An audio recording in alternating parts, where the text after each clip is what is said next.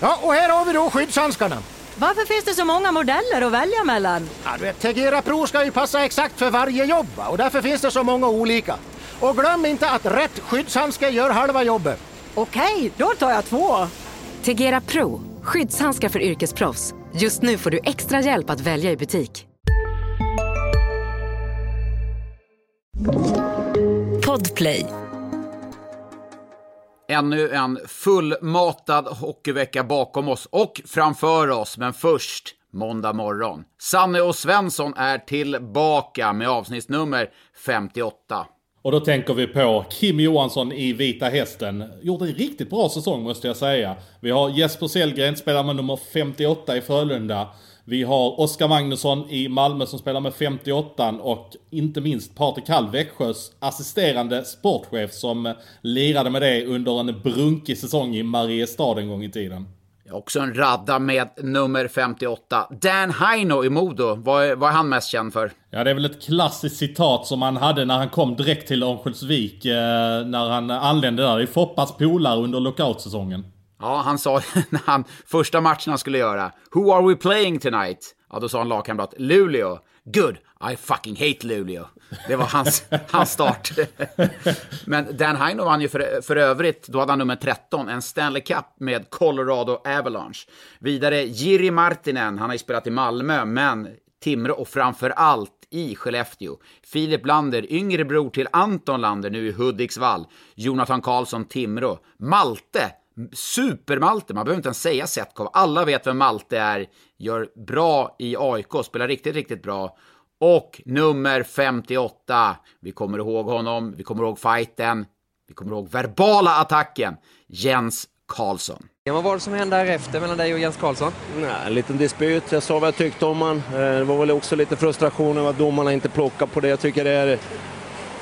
Jag ska vara ärlig, Sveriges fegaste hockeyspelare åker omkring när vi ligger under med 4-1 och försöker plocka en kille när han inte är med. Det kunde ha gått riktigt illa. Ruggigt besviken och hänvisar till domaransvarig Peter Andersson. För fan, nu får du städa upp.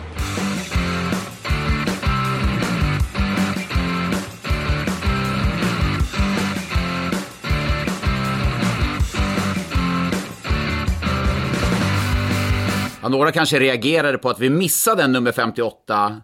Eh, Storbacken får vi väl ändå säga, även om han är kort till växten. Oskar Nilsson i Skellefteå. Ska vi inte ringa upp han Svensson och kolla hur det är med han? Ja, men det tycker jag definitivt vi gör. Oskar Nilsson här. Ja, tjena! Eh, Sanne och Svensson, hur är läget? Nej men det är bra. Hur är det själv? Mycket bra. Det är ju söndag. Vi släpper ju avsnitt här på måndag, så vi spelar in lite med, med dig och eh, måste ta tempen lite på vad det är som händer i Skellefteå. Ni är ju ruskigt formstarka, även om ni förlorade i lördags mot eh, Rögle. Ja, nej, men det känns bra. Vi, är- vi är inne i en positiv trend just nu. Men eh, det känns ju surt efter det sist då. Vad är det som gör att ni har hamnat i den här positiva spiralen som man kan säga att 2021 inneburit för Skellefteå AIK? Eh, nej, men om vi börjar från början så tyckte jag väl att eh, vi kände tidigt att vi hade en hög högsta nivå. Eh, sen hade vi haft, har vi haft strul och, och var jämna. Eh, och sen har vi lyckats hitta en jämn nivå och eh, liksom... En match går i vågor. Och att man liksom kan plana ut de dåliga. Ehm, alltså våra dippar. Att de inte blir så djupa under matcherna. Så det tycker jag är största skillnaden. Och sen... Eh, ja. Det blir roligare och roligare varje match man vinner. Då blir man bättre och bättre. Men du, vad är det som har hänt? Eh, vi pratade vid lite tisdag där i samband med Linköpingsmatchen, jag intervjuade dig efter. Och du, du antydde lite om att du kanske inte hade tränat så bra tidigare. Eh, vad, är det som har, vad är det som har hänt med ditt spel? Du är ju fullkomligt lyser ju om dig, framförallt här på slutet, men i stor, säsongen i stort också.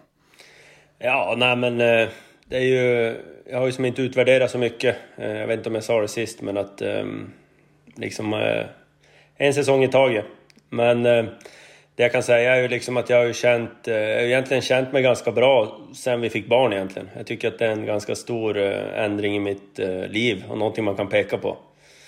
Och det har gjort att... Ehm, ja, jag vill tro i alla fall att det har gjort att jag kan liksom släppa matcher och släppa träningar och släppa misstag på ett annat sätt. Än vad jag kunde göra tidigare. Tidigare har jag ju legat mycket med dåligt samvete och, och direkt man förlorar och sådär. Så att det är väl en anledning som är mer på det personliga planet. Men sen handlar ju det här att jag fått komma till en klubb som är seriös och, och där det bara hoppa på ett tåg. Så att ehm, den kombinationen. Ja, för annars har jag ju upplevt det så här att liksom, du har ju ändå inte varit en spelare som har legat och funderat. Alltså jag menar, när du var i det här goa Asplöven-gänget för typ 6-7 år sedan så kändes det som att ni körde på och det var väl ingenting som kunde stoppa er och en förlust hit eller dit eh, gjorde väl ingenting och ja, ni var bara ett skönt gäng och funderade inte så jäkla mycket.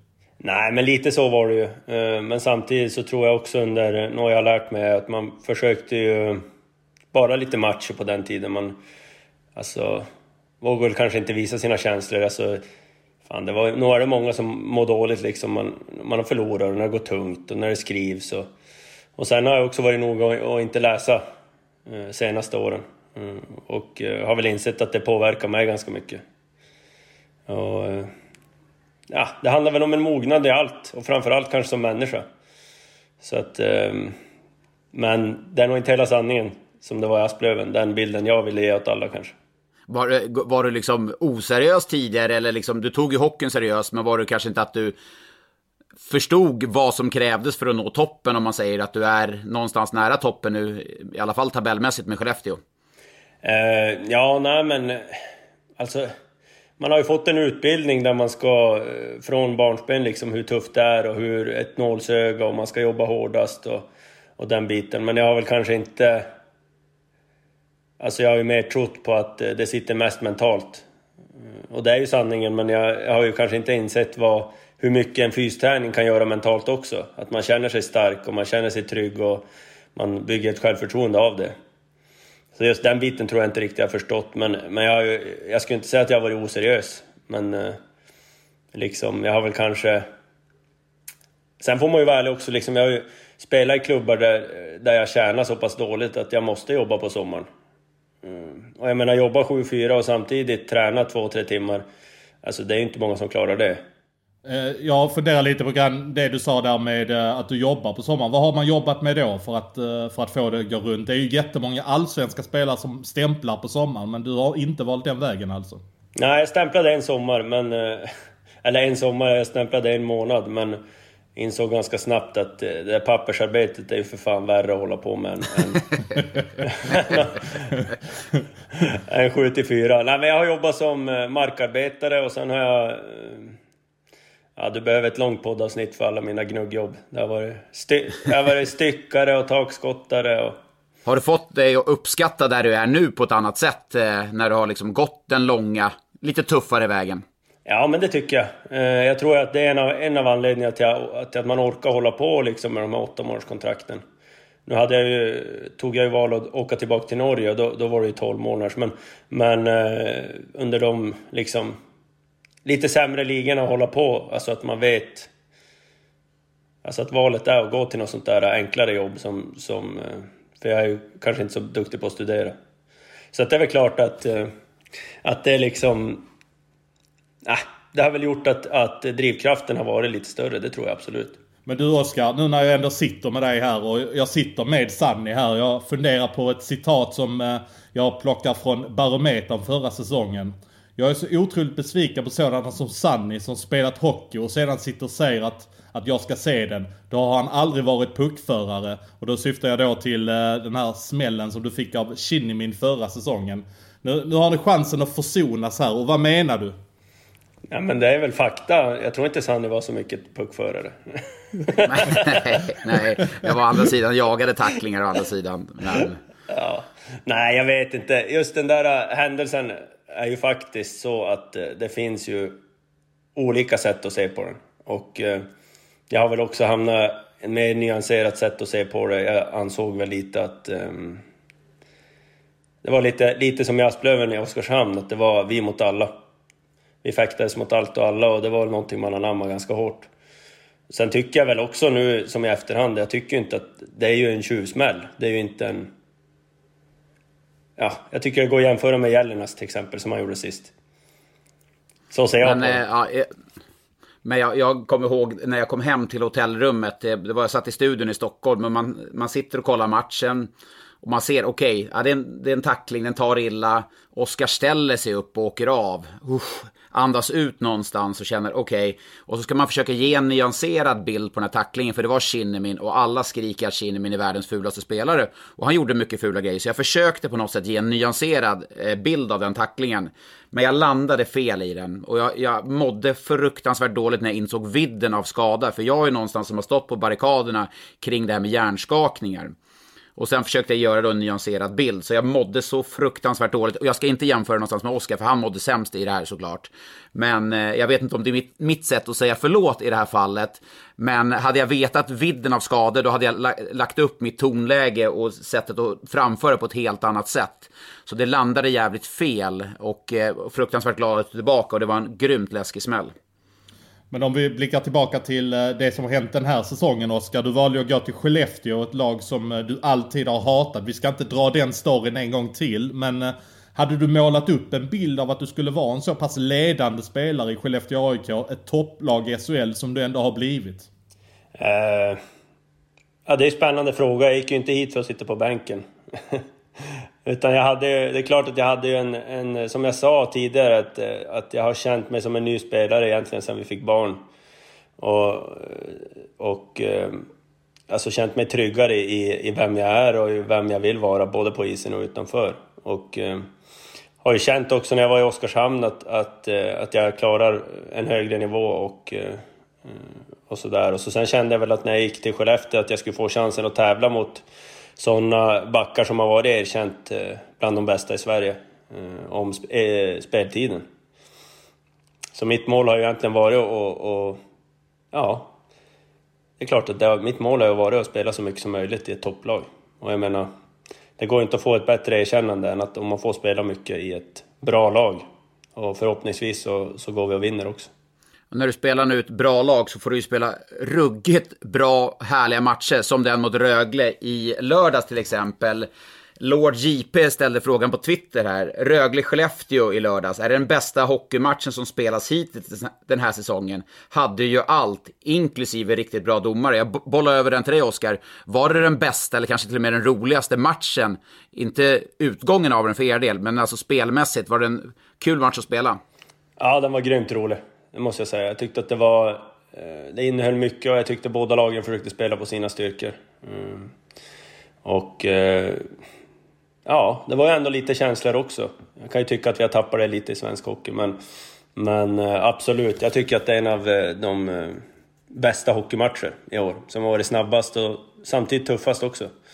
Det är klart att det är roligast när man spelar ut något lag, men... men liksom om man tittar rent hockeymässigt så tycker jag det är en av, en av de bästa. Om man blickar nu framåt då, det är slutspel snart. Vilket tycker du är det bästa laget som ni har mött då? Vilket, vilket har ni svårast för, tuffast att spela mot? Vilket är det? Leksands IF. är det så?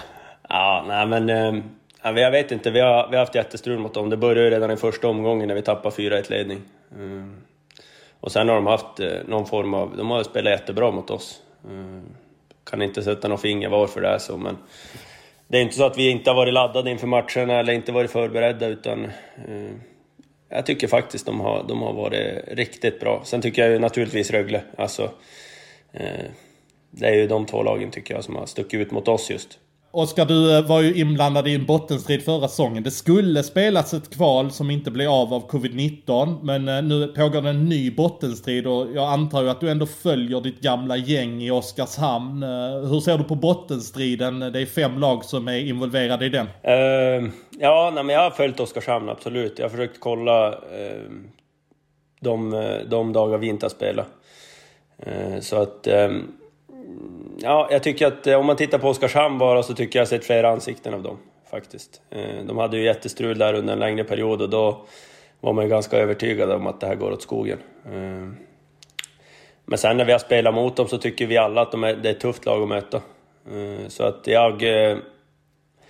Och sen nu har de ju hittat, hittat någon annan typ av form så att de har sett mycket bättre ut på slutet. De har ett annan, en annan dimension i sitt spel när de fuskar lite, eller vad man ska säga. De har fler spelare som liksom vågar sticka ut lite grann.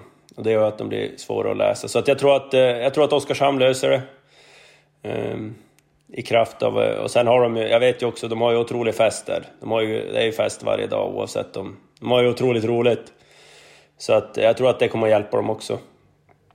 Okay. Om, om, du tänker, om du tänker i övrigt då i bottenstriden. Eh, du, eh, du är inte rädd för att sticka ut på något sätt. Skellefteå kommer inte att vara inblandade i det där på något sätt. Så att nu vill jag höra vilka två lag det är som kommer få kvala. Nu har du ju Malmö, Brynäs, HV och Linköping kvar att välja på då. Eftersom du säger att Oskarshamn klarar det. Ja, nej men eh, det blir ju Linköping och HV. Mm. Grundat på? Ja, men grundat på vad vi har mött under säsongen. Eh, jag tycker att man får en ganska bra bild när man spelar mot, eh, mot lag om de är lätta och bekväma att möta och det tycker jag att eh, både Linköping och HV har varit. Sen tyckte jag också att sista matchen vi mötte Linköping så... så ja, man tycker synd om dem. Det, är inte direkt, det var inte go i den matchen i alla fall. Ni har ju mött då, den gångna veckan har ni mött både Linköping och HV. Och jag var ju på plats där jag gjorde Linköping. Det kändes ju som att det var totalt uppgivet. Så gick ju de vips och vann mot eh, Örebro och på något sätt med, eh, inte helt uträknade. Men HV71 då, som ändå på pappret till ett namnkunnigt och förhållandevis bra lag. Vad säger du om dem? Uh, ja, men jag säger att, att de... Uh, jag tyckte de jobbade hårdare och uh, liksom de har obehagliga spelare som back i alla fall att möta. Många som är ganska obehagliga. Jag, tycker, jag tänker främst på Vedin som jag tycker är en av de bästa spelarna i ligan. Eh, så jag tror... Eh, jag har ju svårt att säga att de förlorar i bästa sju mot Linköping. Men då är vi återigen där att vi har jätteproblem med Leksand till exempel och Linköping kanske har jättestrul med oss. Så att man får ju ändå vara ärlig där men från min syn, eh, från min vinkel så... Så... Jag tror inte HV behöver oroa sig. Ja, jäkligt befriande med en spelare som vågar. Jag kommer ihåg själv när man fick den frågan, ofta på de här upptaktsträffarna. På min tid, Oskar, så åkte vi Finlandsfärja då. Lagkaptener, tränare och sportchef då åkte Finlandsfärja med media det som Oj. hände där. Det var tur att det inte fanns Twitter och sociala medier. För att det, var, det kunde vara ganska stökigt på de där Finlandsfärgerna kan jag säga. Jag var, jag var, jag var lugn ska jag dock säga. Men, eh, men när, man fick, när man fick frågan om vilka lag som får kvala eller vilka åker ut. Och då passade man alltid på den frågan. Så uppskattar att du svarar. Men du, en sista grej. Det är ju avsnittsnummer 58 och det är därför vi ringer dig. Varför har du nummer 58? Ja, det är ganska Eh, jag har ju faktiskt en förklaring. Det är ju min dotters födelsenummer om man plussar ihop. Eh, 15, 12, 31 blir 58.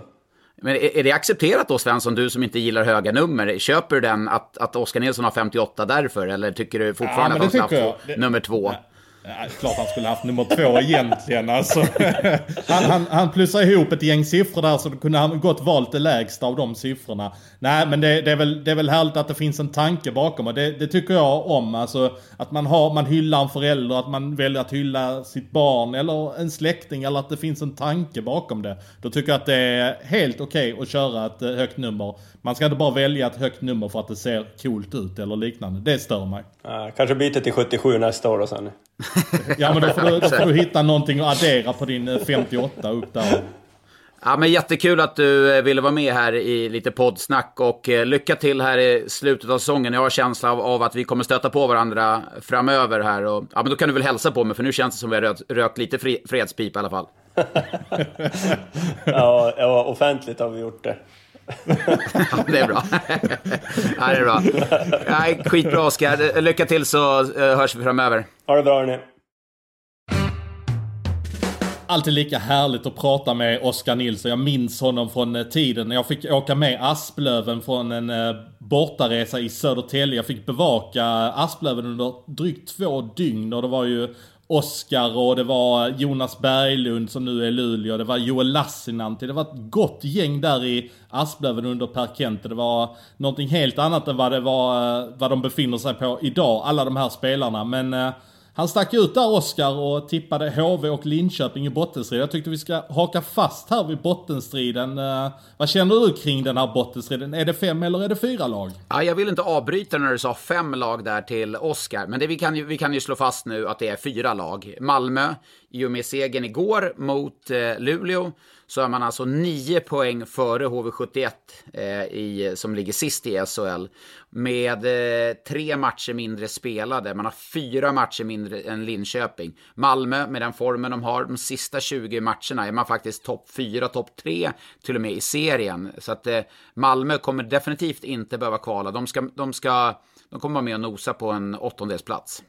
Ja, det, om vi räknar bort Malmö så har vi i alla fall fyra lag och det kommer ju bli rafflande. Brynäs och Oskarshamn har ju båda covid-uppehåll just nu så att eh, de kommer ju ha fortsatt mycket matcher i handen på de här eh, lagen som ligger absolut längst ner i botten då, HV, Linköping. Ja, nu avancerar ju Linköping lite men eh, i snitttabellen tittar vi då.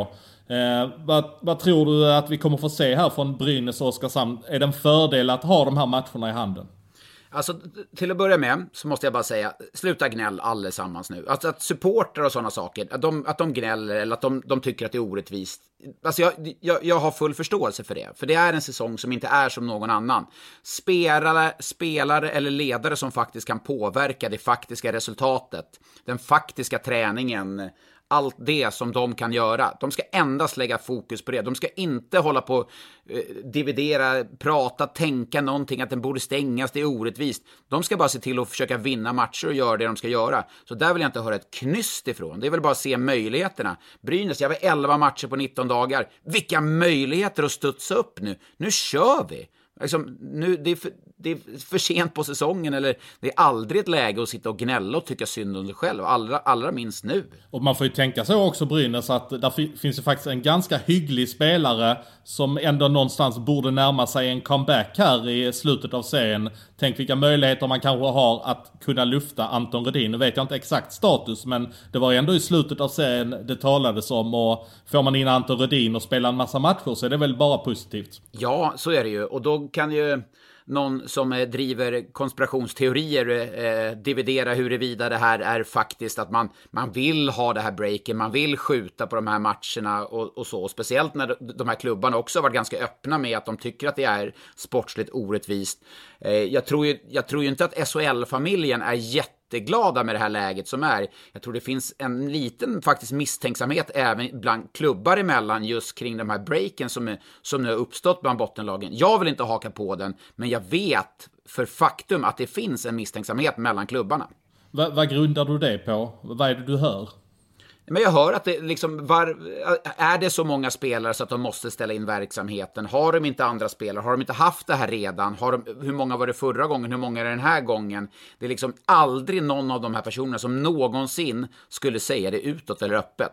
För i det här läget vågar man inte säga någonting, för det kan ju bli ett fall eh, likt Leon Bristedt där en är sjuk och mer eller mindre knappt kommer tillbaka, eller Joel Mustonen eller Kristoffer Törngren eller Stefan Nyman, tränaren i HV för den delen. Så man är väldigt försiktig att uttala sig där utåt. Det, det blir ju, skulle ju kunna ta hus i helvete och det skulle kunna förfölja en resten av ens liv i stort sett om man går ut och kritiserar någon för det här. Men det finns en misstänksamhet och lite en undran hur, vad som händer i de olika klubbarna. Det, det, är en sak som, det vet jag för faktum när jag pratar runt med folk. Men en som däremot vädrade sina misstankar eller hade tydliga åsikter är ju Växjöbacken Ilari Melat som eh, var ute i Smålandsposten och kritiserade de som inte hade köpt in tester och eh, tyckte kan man värva spelare så har man väl råd att köpa in fler snabbtester tester.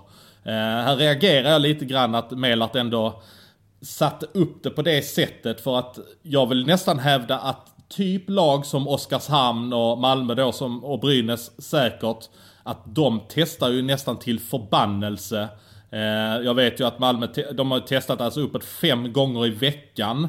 Uh, och upp, det är ju just därför man upptäcker, för att man testar till ren förbannelse. Sen finns det lag, som jag hör, som bara testar vid symptom. Och då finns det ju lag som absolut inte har haft utbrott på det sättet.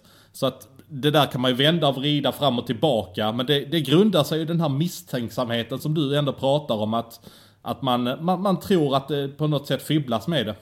Men man får väl, testerna får man väl centralt från ligan och ligan, Hemlin pratade eh, förra veckan när vi pratade med honom om det var 12 eh, eller 15 000 eller liknande tester som hade gjorts den här säsongen. Och jag, jag var ju nere i Ängelholm i eh, lördag, så jag såg ju bara en hel stor box med sådana här snabbtester. Jag tänkte nästan kyva åt med ett par, för det, då kan man ha användning för när det börjar vanka slutspel. Men jag vågade inte riktigt sno en.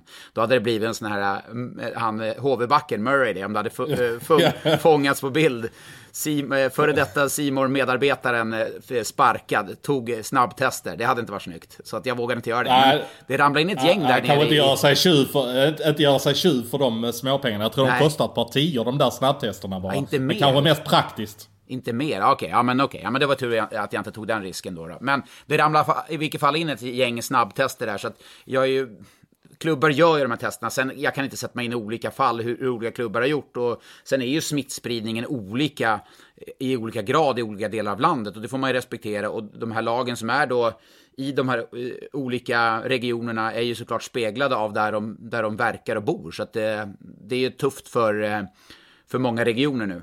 Ja men det är ju också så att det är individer i ett lag och vissa hanterar det på ett sätt och vissa tycker inte det är någonting och vissa lever slaviskt efter det. Och sen så kan det vara att man gör något misstag att man är för nära någon när man är på ICA-affären och sen så är det ett faktum. Så att jag menar, det, jag tycker att man målar upp en sån misstänksamhet väldigt, man, man gör det väldigt enkelt för sig eh, på många håll.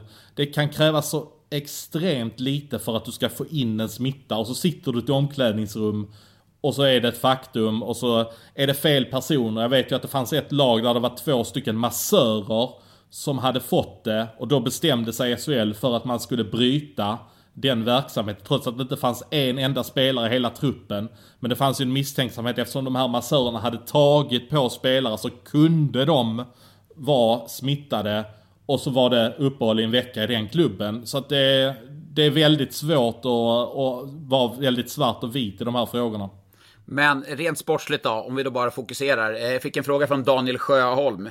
Vilket lag av HV, Brynäs, Oskarshamn, Linköping och Malmö, nu kommer, eh, vi kan ändå ha med Malmö, Malmö där, Eh, tror ni skulle passa bäst respektive sämst att klara av en degradering till Hockeyallsvenskan? Vilka skulle ha bäst slash sämst förutsättningar att ta sig upp snabbt på nytt? Det är ganska intressant. Lek med tanken att Linköping eller HV, två storklubbar med, alltså med arenor som de, som de äger, Brynäs också. Skulle de åka ur, hur skulle de hantera eh, det här? Nu har jag plockat bort Malmö helt och hållet eftersom de inte kommer att åka ut. Ja, men det är, alltså jag tror naturligtvis ändå att Oskarshamn hade klarat det bäst för att eh de är ju ändå en, någonstans en allsvensk klubb som lever i en SHL-kostym just nu. Eh, de har en organisation som i stort sett hade kunnat vara identisk om man åker ur, eh, åker ur SHL eh, och i de andra klubbarna hade man fått göra ganska stora besparingar. Man hade fått göra alldeles för stora förändringar. Och så hade man fått ta ett omtag. Det är klart att det hade kunnat komma in någon och pumpa, upp, pumpa in pengar för att man skulle ta ett sportsligt steg men eh, det blir en helt förändrad situation som de här klubbarna inte alls är vana vid. Linköping är ju det laget av de tre, vi pratar Brynäs, HV och Linköping som, eh, som är närmst i tid att spela Hockeyallsvenskan och då är vi ändå inne på 90-talet. Linköping gick alltså Ja, de åkt, gick upp första gången 99 och sen åkte de väl ur så de gick upp 01. Då är vi ändå 20 år tillbaka i tiden. Det är en helt annan tid för, eh, för Linköping. Ja, och man har ju en arena som man driver och eh, eh alltså eh, har rätt stora kostnader på. Men Linköping, jag var där i tisdags, det känns ändå som att föreningen eh, någonstans inte har gett upp, men de har någonstans förstått vad de är och att blir det kval, då får vi ta det. Liksom, man kommer inte stressa på Henrik Törnqvist, Marcus Ljung eh, och spela i slutskedet av säsongen om, om det är så att det lutar åt att bli kval. För man vill inte riskera den, den typen av spelare att inte kunna spela där när det väl blir kvalmatcher. Så att det känns som att de har den eh, självbilden och jag hoppas nu och tror att HV har det, i alla fall efter den gångna veckan. Jag var inne på det i podden förra veckan, kommer du ihåg vad jag sa då?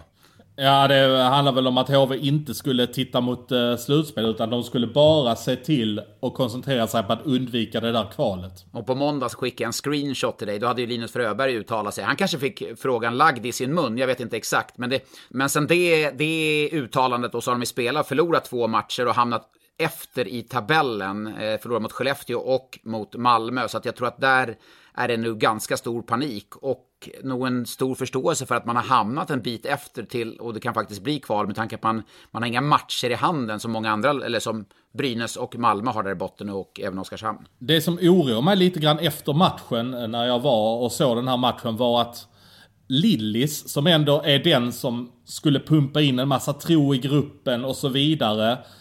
Hela hans kroppsspråk och hur han la fram det efter matchen. Det kändes lite grann som att Lillis hade tappat tron på det. Att det sitter så djupt mentalt och så vidare.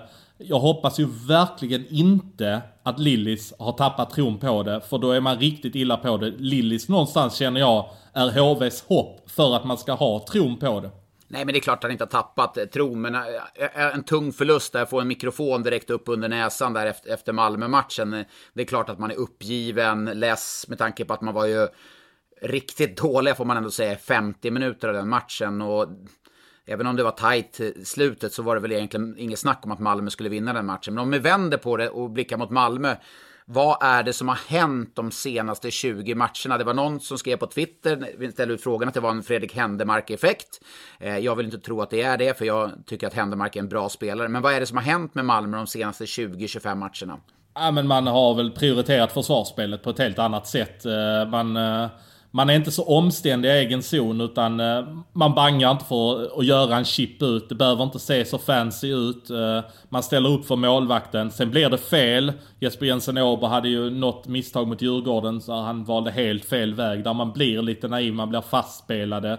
Men eh, man har eh, prioriterat det på ett helt annat sätt och man gör ju inte speciellt många mål framåt utan och sen har ju tvillingkedjan med Emil Sylvegård, de har ju någonstans hittat ett sätt att leda laget och sen skulle jag också säga att här sista tiden att Adam Johnson och Karl Persson har hittat ett väldigt fint stäm. Karl Persson förlängde ju sitt avtal här i veckan och han har svarat med att göra poäng nästan till varenda match här från det.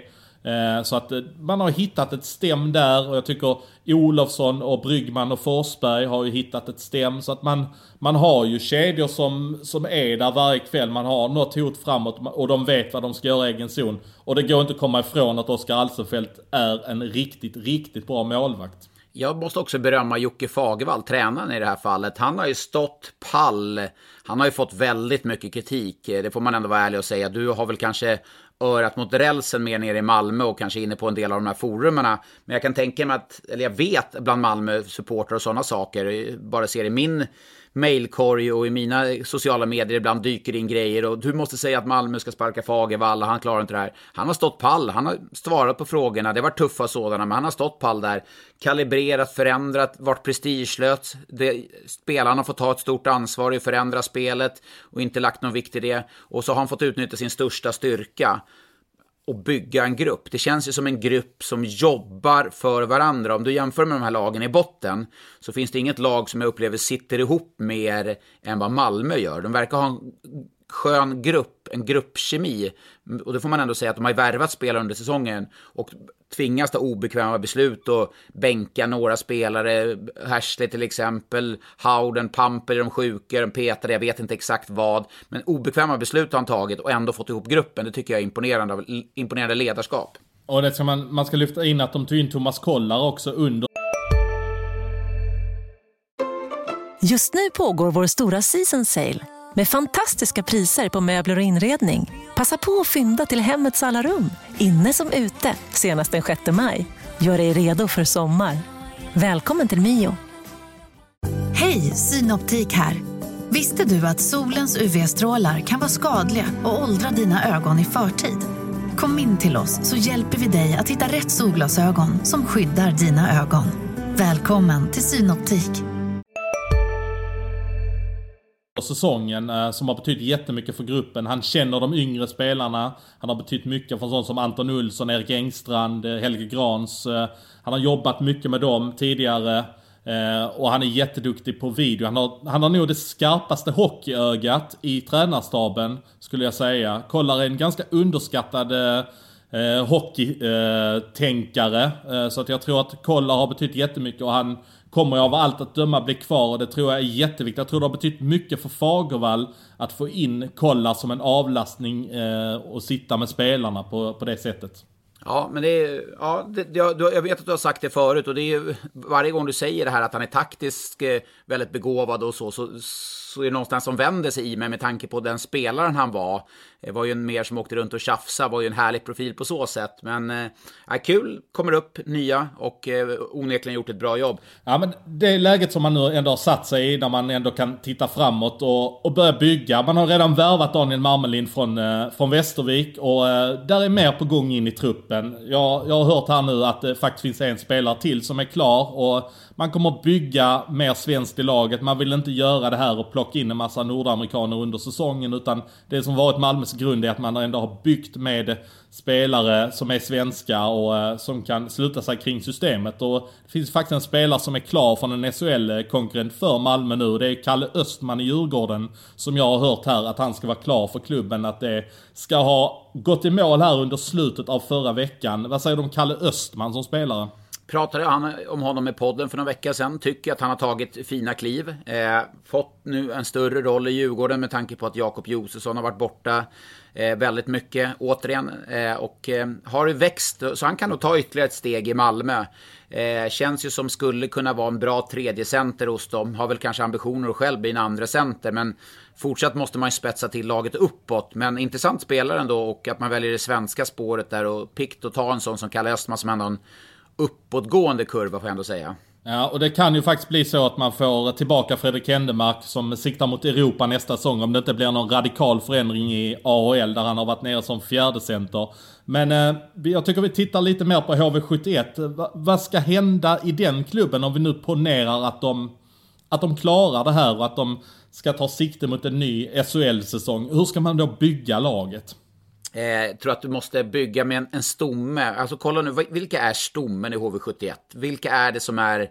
Ja men Simon Önerud såklart, kaptenen, är ändå en gedigen, bra spelare, tar stort ansvar. Men vilka är stommen i det här laget? Vilka är det som du håller i handen när det blåser, när det är kval, som du lutar emot? Alltså, finns det så många karaktärer i den gruppen i HV71? Nej, det skulle jag väl nästan säga att de man måste luta sig mot här, eh, det kommer ju bli eh, Filip Sandberg, Christian Sandberg, eh, Didrik Strömberg kanske. Sen är det ju spetsen då med Vedin och de här som, som finns att tillgå också. Men om vi pratar stummespelare så, så är det ju de man skulle luta sig mot, skulle jag säga. Det är för mycket blöta spelare skulle jag säga i HV71. Jag såg eh, första bytena mot, eh, några av de första bytena de mötte Brynäs här för ett par veckor sedan. De hoppar, i, hoppar undan i närkamper, liksom de ledande spelare går inte in i det. Och jag menar, det skickar ju bara sådana signaler till resten av laget. Ja, men inte våra bästa spelare är beredda att göra det här. Jag tycker på så sätt har det blivit väldigt fel. De är skickliga, Alexander Bergström och många där till. Men det är liksom inga som tar för sig speciellt mycket i det där spelet. nu, nu, nu är inte jag så att jag, du ska tackla, det är inte det det handlar om. Men bara skicka en signal, gå först in i en duell och ta pucken till exempel. Och därför är jag inne på nästa år så måste man, ja om vi leker med tanken att de är kvar i SHL då, så måste man bygga en stomme. Och det, jag bara tänker så här, vilket drömnamn att få tillbaka Niklas Hjalmarsson. Det finns ju vissa rykten som florerar att han kanske ska vända hem då kontraktet går ut borta i Nordamerika. Kunna bygga runt en sån, en sån spelare två, två, tre år kanske. Eller varför inte Andreas Borgman som gjorde succé där har inte riktigt är ju Tampa nu, men får inte spela i den här Taxi Squad och så. Få hem en sån spelare också, liksom lägga pengarna på spelare som ska vara i stommen. Och sen får man, har man ju ändå unga spelare, Emil Andreasi och Nybäck, Oskar Laesson och Max Wenner. Då har du några unga spelare som kan fylla på längre ner, vilket gör att du kan lägga pengar på stomspelare. Men då måste man ju ändå ha en ganska tydlig plan om man ska få igen den, den typen av spelare. Att man har den här tränaren ska vi gå med och är det Johan Hult som ska leda det sportsliga för föreningen eller är det någon annan eller vilka fler skulle kunna komma hem och bilda stumme här? Alltså det, det får ju handla om flera spelare då som man liksom tar ett stort grepp om det hela. Problemet är ju nu att du, du ligger ju efter på, på marknaden med tanke på att just nu vet du inte vilken serie du kommer spela i. Och ska du gå, börja gå och rekrytera spelare Ska man gå på en sån som Marcus Hardegård i Timrå till exempel? Ska, varför skulle han skriva på nu eh, eh när han vet vad HV spelar? Han skulle i så fall, om han han, han är ju väldigt jagad då, Marcus Hardegård till exempel. Skulle han skriva på ett kontrakt så är det med en klausul. Utifall att Timrå går upp så, så bryts det kontraktet. Men lek med tanken, den typen av spelare, den kan de ju inte jaga nu för de vet ju inte vilken serie de spelar i. Tidigare år har de kunnat bygga laget i januari, december, januari, februari, då har i stort sett det varit klart för de har vetat vilken serie och ens nämna att HV71 kan spela hockeyallsvenskan nästa år. Det är ju helt sjukt. Tänk dig nästa år, onsdagsfight, Harald Lyckner, Lars Lindberg, Tingsryd HV71. Alltså det, det är inte främmande nu, men det, hade, det var väldigt främmande för mig bara för några veckor sedan. Nu när du säger det så kittlar det ju faktiskt lite grann. det, nu tror inte jag.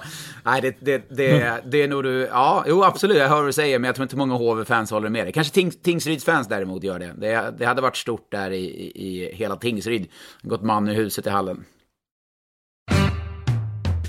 Men under söndagen så var du på plats i Malmö Arena och fick se Malmö ta sin femte raka seger mot eh, topplaget Luleå som vacklar lite. Och vad säger du om Luleå? Du, nu såg du dem på plats, vad fick du för känsla? De gjorde ju en bra forcering visserligen, ska man säga, sista 10 minuterna där. Men sett över 60 minuter, vad säger du om dem?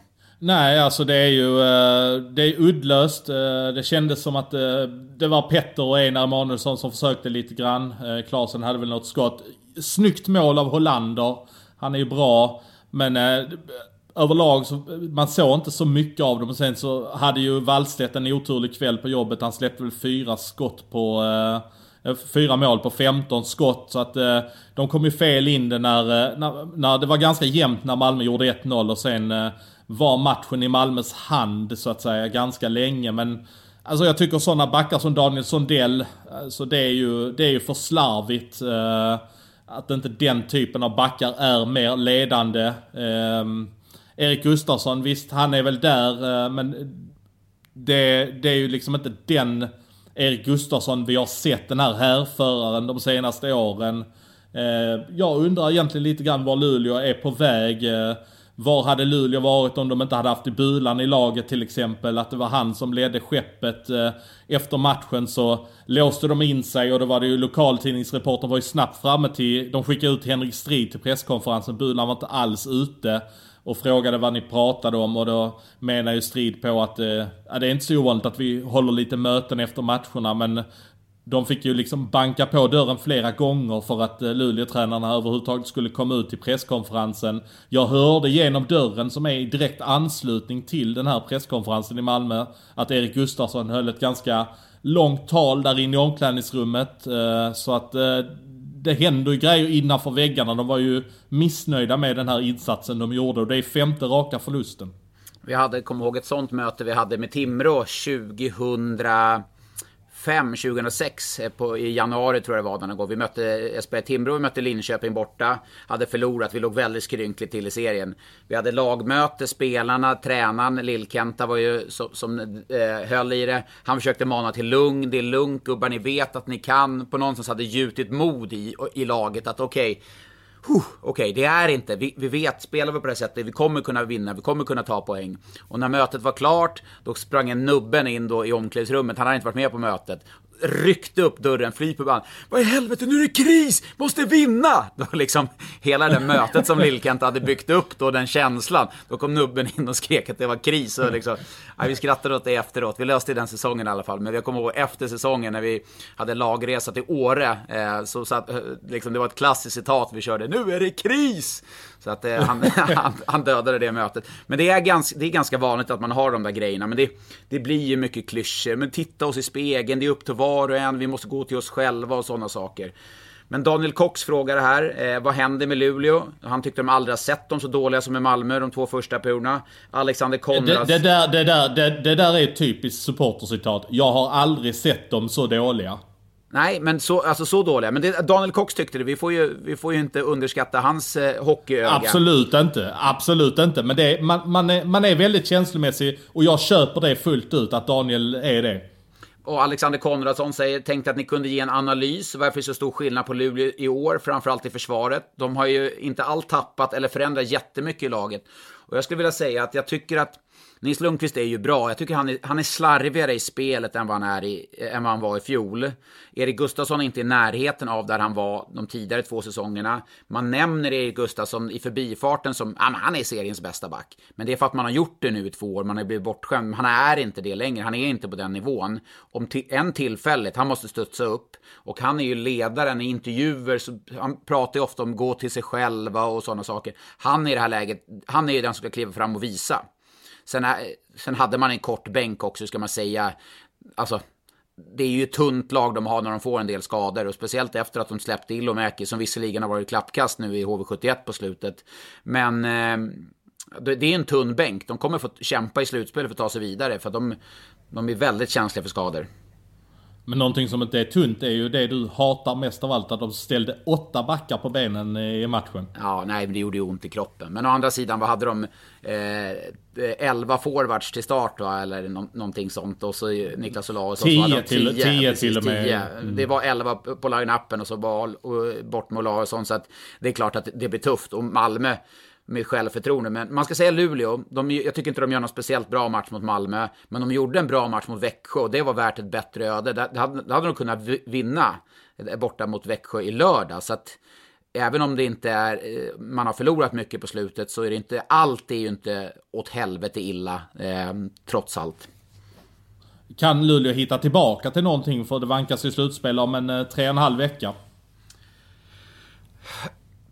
Jag börjar tvivla mer och mer faktiskt. Jag börjar tvivla mer och mer. Det är samma sak, tvivla på Frölunda också. Jag tycker Frölunda visade upp en stundtals en väldigt slät figur mot Djurgården. Djurgården var egentligen sett över den matchen bättre. De vann, vann eh, på övertid, men jag börjar, börjar tvivla på båda de där lagen och när jag sett Skellefteå tre gånger här, jag såg dem mot Linköping på plats, jag gjorde dem i studion i torsdags, jag såg dem på plats mot Rögle. När jag sett dem spela så ser jag att de har ju en helt annan nivå. Alltså Luleås första kedja hade inte varit bättre än någon av Skellefteås tre första kedjor i dagsläget.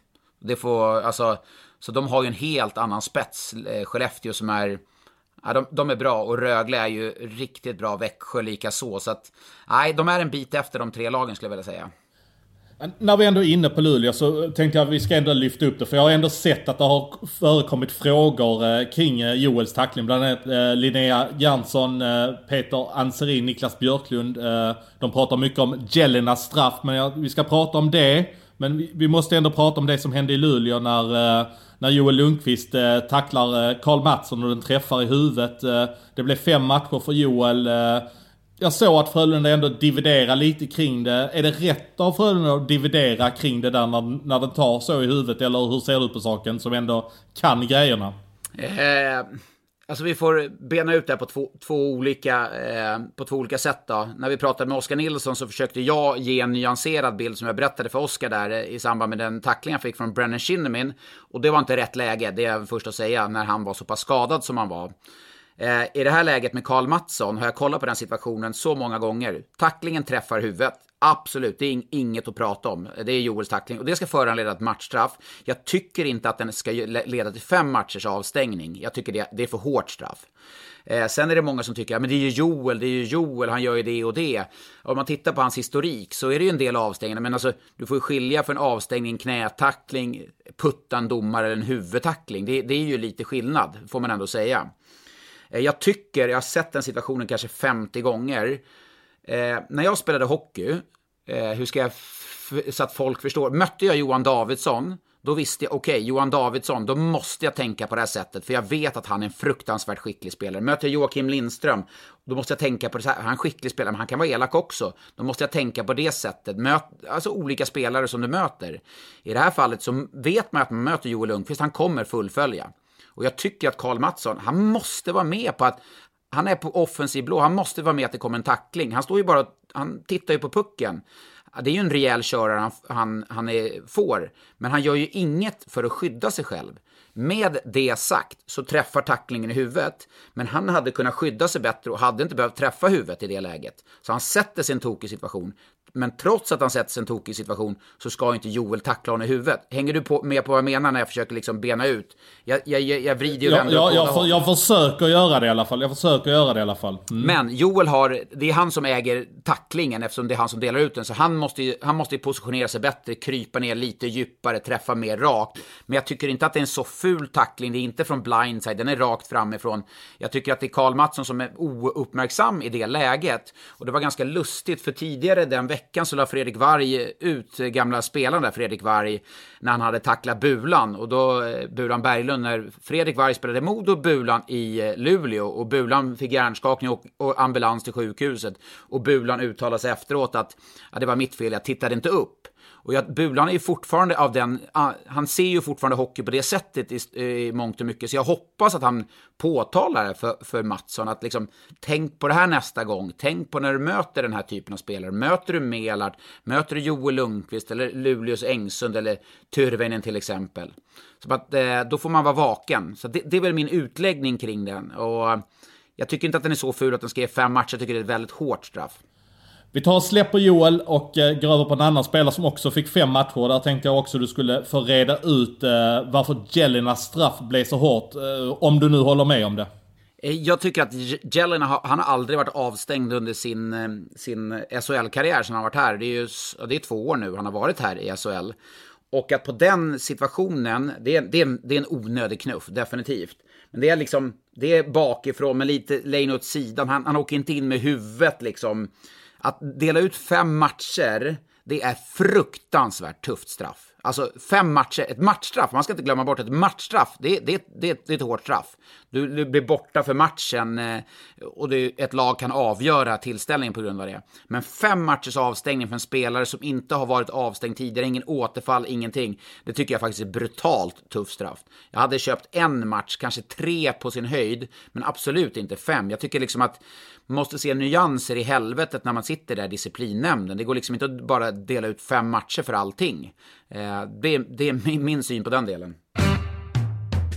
nu när, du ändå, när du har dragit upp mig kring det här med, med tacklingar och sådana saker. Jag hade ju för avsikt eh, tidigare i min eh, bloggkarriär, tänkte jag säga, men att förklara. Men det går aldrig att förklara de här, för att du kan, du kan aldrig liksom vinna den förståelsen från folk, för att man vill inte förstå, man ser till sitt lag hela tiden. Och jag menar, det finns många spelare som spelar fysiskt och det är små marginaler, vad som blir bra, och vad som blir dåligt, så försöka förklara det.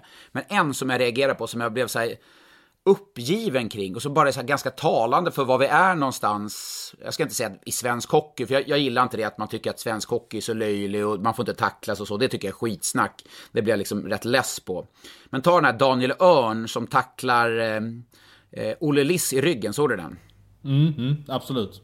Jag har tacklat spelare i ryggen. Jag har gjort det medvetet, jag har gjort det omedvetet. Eh, när jag har gjort det, det första jag har gjort, det har varit beredd. Okej, okay, jag har gjort något fult. Jag måste stå upp för mig själv. Och det handlar inte om att jag ska behöva slåss. Men det handlar om att någonstans jag ska behöva skydda mig. Jag står ju aldrig med händerna i fickorna liksom. Och Olle Liss ställer sig upp och klappar till Daniel Örn. Vilket han inte ska göra. Jag, absolut, jag förstår. Men Daniel Örn har ju gjort något rätt fult innan han tacklat honom med ryggen. Han måste ju på något sätt förstå att okej, okay, jag måste skydda mig.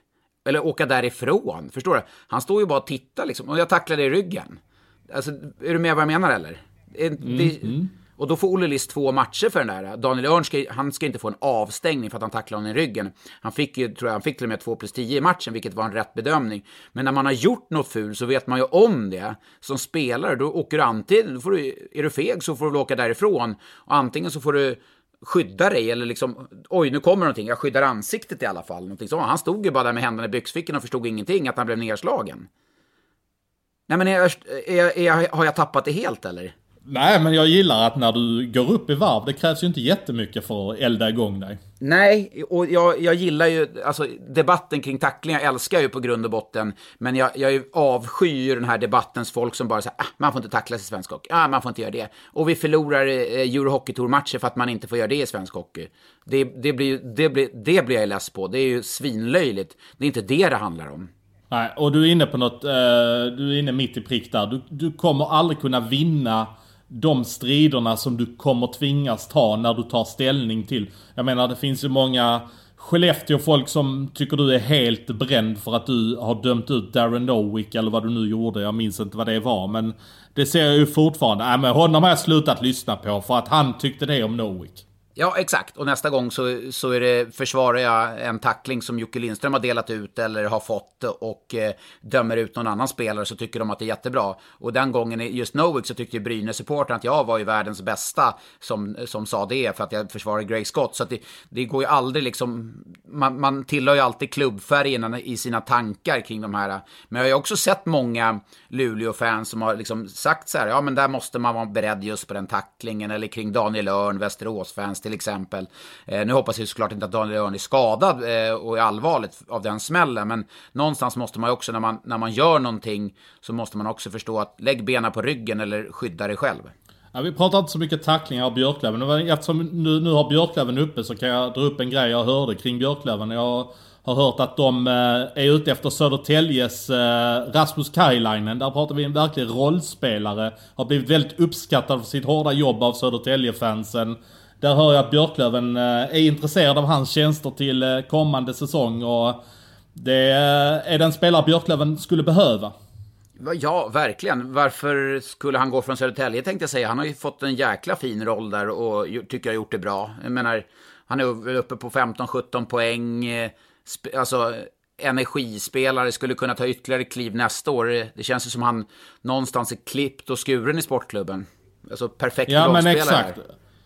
Ja men exakt, eh, men det är ju det som gör att det väcker intresse på andra håll och Björklöven är ju ändå ett av de lagen i Hockeyallsvenskan som är ett av de större lagen i Allsvenskan och eh, jag vet inte om de ska vifta med någon plånbok eller vad de nu ska göra men det kommer ju finnas alternativ och jag förstår ju varför eh, Kent är på och jagar den typen av spelare också. Men då bygger ju Kent en plan A och en plan B-trupp då tänker jag, eller hur? För att Kahilainen är väl en plan B så tillvida att man inte tar steget upp till SHL. Ja, men man får ju någonstans inse verkligheten. Man är en bra bit ifrån Timrå just nu i serien och eh, det är väl fullt rimligt att man bygger en plan B för att eh, Även om man inte skulle gå upp denna säsongen så eh, man har ju en lika stor chans. Man behöver inte slå ut något SHL-lag till nästa säsong. Man kanske bara behöver tampas med HV71 eller Linköping eller Brynäs till nästa säsong istället. Oh, och vilken ångest. Alltså prata inte om det. Den där kvalmatcherna, det, det har vi fått många frågor om också. Just de där kvalmatcherna. Tänk dig som spelare. Jag tror inte ens, jag tror inte ens man kan sätta sig in. Jag kan inte sätta mig in ni som supportrar, hur ni känner. Jag kan på något sätt sätta mig in som spelare, men nej, jag kan nog tusan inte det. För jag, jag har aldrig spelat matcher av den digniteten när man vet vad som står på spel. En kvalserie hade du ändå, du kunde förlora de två första matcherna, du kunde liksom vinna mot några hockeyallsvenska gäng och så var du inne i det igen. I, i, i kvalspel i grunden med 2-0 i matcher, då är det nog, då, då är det nästan, känns det som omöjligt att hämta upp ju.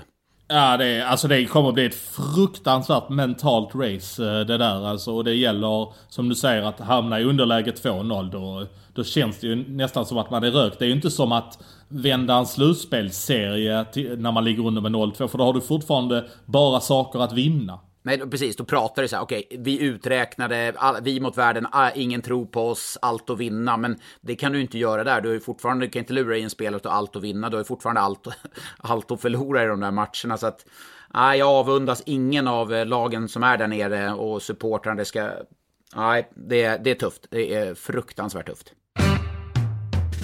Ja, vi har vävt in en massa frågor men jag tycker att vi öser på med ytterligare frågor. Det har ju kommit frågor på eh, Twitter och i vår mailbox och i våra DM-inkorgar. Så vi tar en från eh, Andreas Walter. Eh, från frysboxen och nästan värdelös till stekhet och i målprotokollet match efter match. Jakob Forsbacka Karlsson började leverera direkt efter att Svensson sa att han var värvad ur en annan SHL-lags papperskorg. Eh, det skriker Sanny Svensson-effekt och bör nämnas i podden. Ja, det får vi väl ta till oss va? Ja.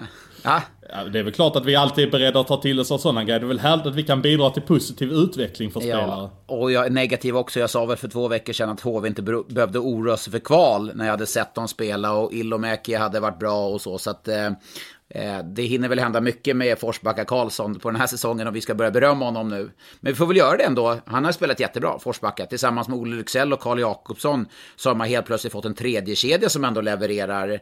Eh, då har man ändå fått lite djup i laguppställningen i Färjestad som jag tyckte, tyckte mig sakna tidigare. Så att, ja, jätteimponerad av eh, utveckling eller hur han kan studsa tillbaka Forsbacka Karlsson. Skitbra faktiskt, riktigt, riktigt bra när man har fått det här djupet i laget i Färjestad. Eh, jag ser ändå inte Färjestad som ett lag som ska kunna vara med och hota. Jag, jag ser dem ändå max i en kvartsfinal. Ja, men det gör jag också. Men nu har man ju faktiskt hugg eh, på, när man vann över Leksand, har man ju faktiskt hugg på en topp 6-plats. Eh, så att det, man är inte borta därifrån. Ett tag så kände jag väl så att, kommer man ens gå till kvartsfinal? Men nu känns väl kvartsfinal som ett, en rimlig målsättning. Och väl därifrån Johan, vet du vad som kan hända då? Eh, ja, då kan man vinna SM-guld och man kan åka ur. Ja, det kan hända mycket. Allt kan hända, det är det vi kör på. Allt kan hända. när man väl tar sig till kvartsfinal kan allt hända. Eh, en annan fråga som har dykt upp, ja, jag tror faktiskt aldrig jag fått så många frågor någonsin faktiskt. Och det har dykt upp många i mina sociala medier, framförallt i min inkorg där på Facebook och Twitter. Eh, det är om det, det avslöjandet du gjorde, du och Adam, vår kollega Johansson, med att eh, Robert Olsson skulle till Skellefteå. Det, jag får väl ändå betrakta det som en jävla bomb rent ut sagt. Det trodde jag inte att han skulle landa i Skellefteå. Nej, eh, jag vet ju inte om det är klart, men jag vet att det finns ett eh, väldigt konkret intresse från båda håll ska sägas. Och eh, jag menar när Erik Forsell ändå öppnar upp sig för att man inte behöver ha den här lösningen med tre tränare utan man skulle kunna plocka in en huvudtränare också. Så lägger det också ytterligare en pusselbit i, den, eh, i det pusslet. Så att eh, att Robert Olsson skulle hamna där, ja, varför inte egentligen? Eh, en nystart för honom, en nystart för Skellefteå. Det lockar säkert Robban jättemycket när han ser vilket jäkla lag de skulle kunna ha på benen. Per Lindholm är klar på långtid. Jocke Lindström och Möller, som kanske folk dömde ut lite för tidigt i höstas, är ju svinbra. Eh, Wingerli kanske stannar. Rickard Hugg är på väg uppåt. Eh, Vilsby stannar det finns ju mycket att bygga vidare på i Skellefteå så att det, jag tror det kittlar Robban jättemycket att, eh, och det skulle inte förvåna mig om det till och med är klart. Ja, det är, en, det är en pigg värvning måste jag säga. Det är ju, om vi var kritiska mot Skellefteå inför den här säsongen när man satt med tre, eh, alltså tre tränare utan huvudansvar, eller fyra då med Christer Holm. Nu har det gått jättebra, men så tycker jag att man tar in Robert Olsson i det här läget som är väldigt aktat namn på tränarhimlen då. Det är, det är starkt, minst sagt. Vi tar en avslutande fråga som eh, Bengt-Åke Andersson eh, frågade. Den skickade jag direkt till dig Svensson när du var på plats i Malmö Arena och du högg ju SHL sportchef Johan Emlin på plats. En fråga som kommer från Bengt-Åke Andersson som undrar hur är det med spelares kontrakt om säsongen skulle bli mycket längre än en spelares kontrakt? Vad händer då? Eh, alla spelare har ju avtal som går ut den sista april men varje sportchef gör ordning sin trupp i januari och gör ett tilläggsavtal som innebär att kontraktet fortsätter löpa med samma skyldigheter och rättigheter så länge laget spelar. Och även om man byter klubb inom SHL så är det reglerat sedan tidigare. Det här är inget nytt för oss. Eh, teoretiskt kan en spelare säga nej till att gå med på en sån förlängning men det har hittills aldrig skett i SHL.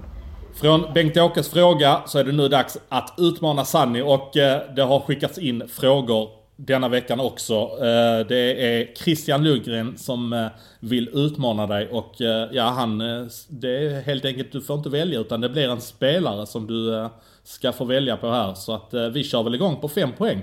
Ös på.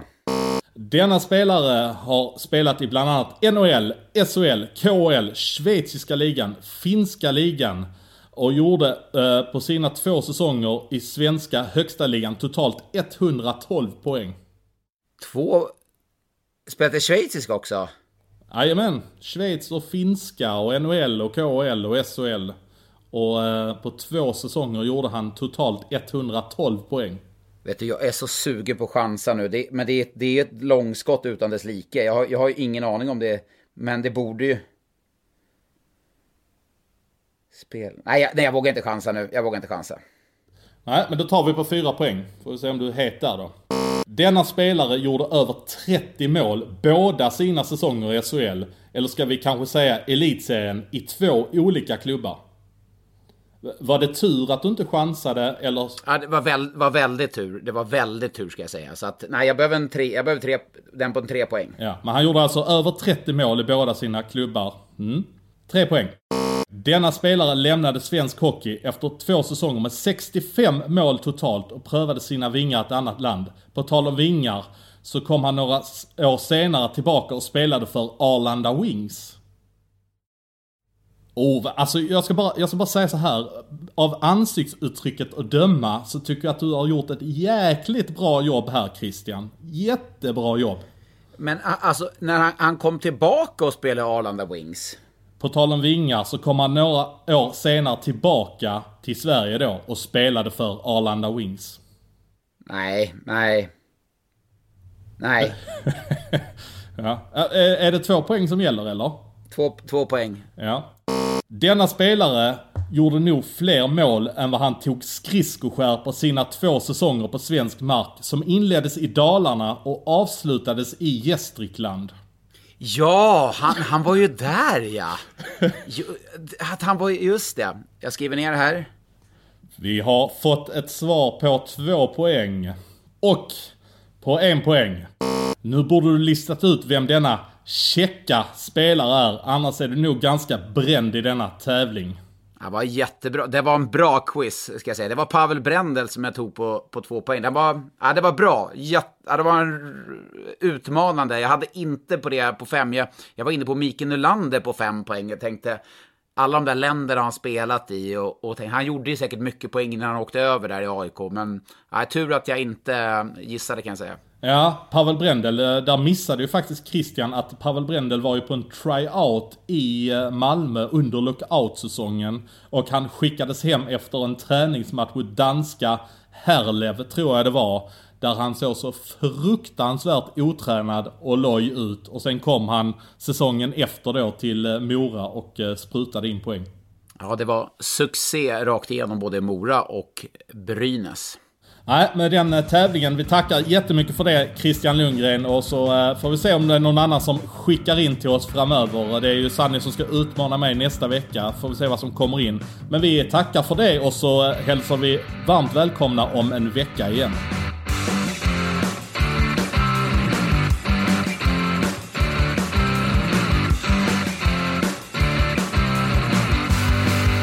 Du har lyssnat på en podcast från Expressen. Ansvarig utgivare är Klas Granström. Upptäck hyllade XPeng G9 och P7 hos Bilia. Våra produktspecialister hjälper dig att hitta rätt modell för just dig. Boka din provkörning på bilia.se xpeng redan idag. Välkommen till Bilia, din specialist på XPeng. På Sveriges största jackpot-kasino går hypermiljonen på högvarv. Från Malmö i söder till Kiruna i norr har hypermiljonen genererat över 130 miljoner exklusivt till våra spelare.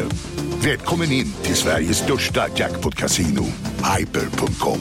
18 plus, regler och villkor gäller.